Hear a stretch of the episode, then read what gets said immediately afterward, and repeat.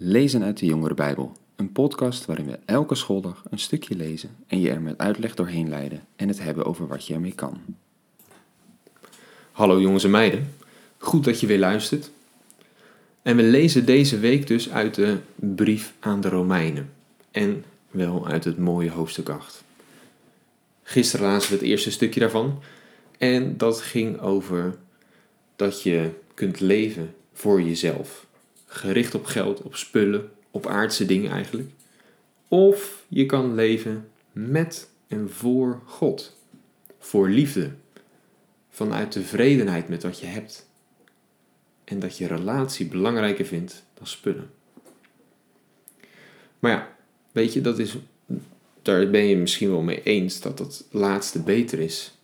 Maar dat is makkelijker gezegd dan gedaan. Hoe werkt dat? Hoe verander je je leven? Want als je het hard zelf gaat proberen, dan lukt het vaak niet. Nou, in het vorige stukje, daar zat al iets daarover in. Hè? Daar hebben we het al een klein beetje over gehad. Over hoe God met zijn geest, Gods kracht dus, in ons werkt om ons langzaam maar beetje te, bij beetje te veranderen. Zodat je andere keuzes kan maken en sterk bent als het zwaar wordt. Nou, eigenlijk precies over die vragen. Hoe gebeurt dat dan? Dat je verandert in je leven. Daar gaat het volgende stukje over. Laten we maar eens wat lezen vanaf vers 10. Daar zegt Paulus: Als Christus echter in u leeft, is uw lichaam weliswaar door de zonde ten dode opgeschreven, maar de geest schenkt u leven, omdat, door God, omdat u door God rechtvaardig bent verklaard. Want als de geest van Hem, die Jezus uit de dood heeft opgewekt, in u woont, zal Hij, die Christus heeft opgewekt, ook uw sterfelijk lichaam levend maken door zijn geest die in u woont. Broeders en zusters, we zijn dus niet langer gebonden aan het aardse, om volgens aardse maatstaven te leven. Als u wel zo leeft, zult u zeker sterven. Als u echter uw zondige praktijken doodt door de geest, dan zult u leven. Nou, het staat hier een beetje moeilijk. Dat is zo. Het eerste gedeelte is een beetje cryptisch. Maar eigenlijk wordt erin besproken hoe ons leven nou echt verandert door God. Het allereerste wat zijn geest doet, en dat is eigenlijk ook het eerste wat er gebeurt als je meer met geloof gaat doen, is dat je gedachten gaan veranderen.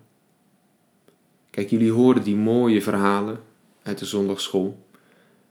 En je hoort wat Jezus gedaan heeft, wat hij zegt. Je hoort welke goede boodschap daarin zit wat een goede manier is om in het leven te staan.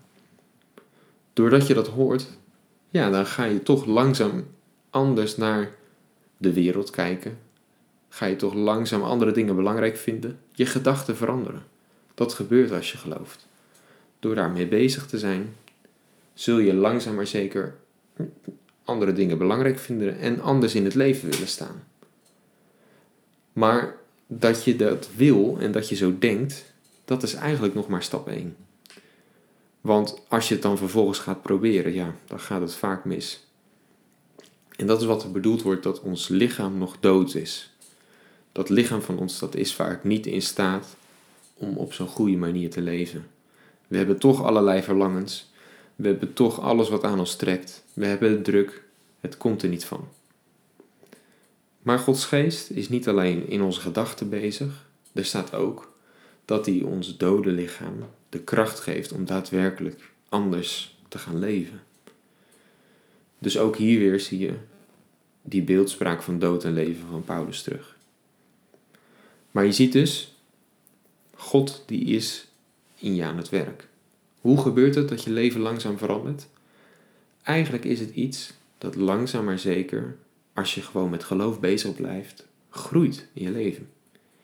Eerst in je gedachten dus, en je zult ook steeds meer de kracht van God ontvangen om daadwerkelijk anders in het leven te gaan staan. Laten we nog een klein stukje erbij lezen. Daar staat: Allen die door de geest van God worden geleid, zijn kinderen van God. U hebt de geest niet ontvangen om opnieuw als slaven in angst te leven. U hebt de geest ontvangen om Gods kinderen te worden. Door Hem roepen wij God aan met Abba, Vader.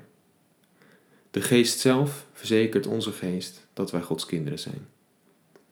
En als we zijn kinderen zijn, zijn we ook zijn erfgenamen. Erfgenamen van God, samen met Christus. Want wij delen in zijn lijden om ook met hem te kunnen delen in Gods luister. Ja, dit stukje dat voegt er eigenlijk nog iets bijzonders aan toe. Er staat namelijk dat als God met zijn geest in je werkt, dan raak je er ook van overtuigd dat je een kind van God bent. Ik weet niet of je er wel eens zo over nadenkt, dat God je vader is.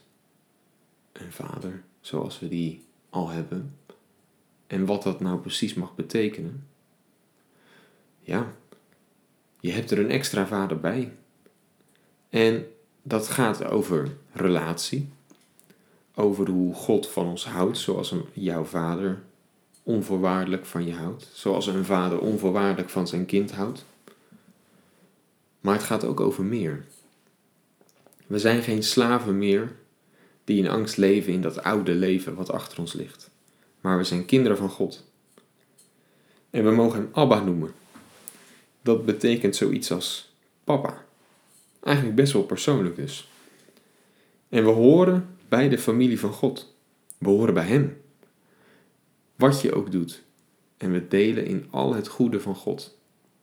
Dat wordt er bedoeld als, we, als er staat dat we erfgenamen van God zijn. God heeft zoveel moois beloofd voor de toekomst en wij, wij mogen daarin delen, omdat we zijn kinderen zijn. Nou, denk daar maar eens over na vandaag. Wat het mag betekenen dat je God jouw vader mag noemen en dat jij zijn kind bent. Wat het mag betekenen dat hij van je houdt. Morgen gaan we daar over verder.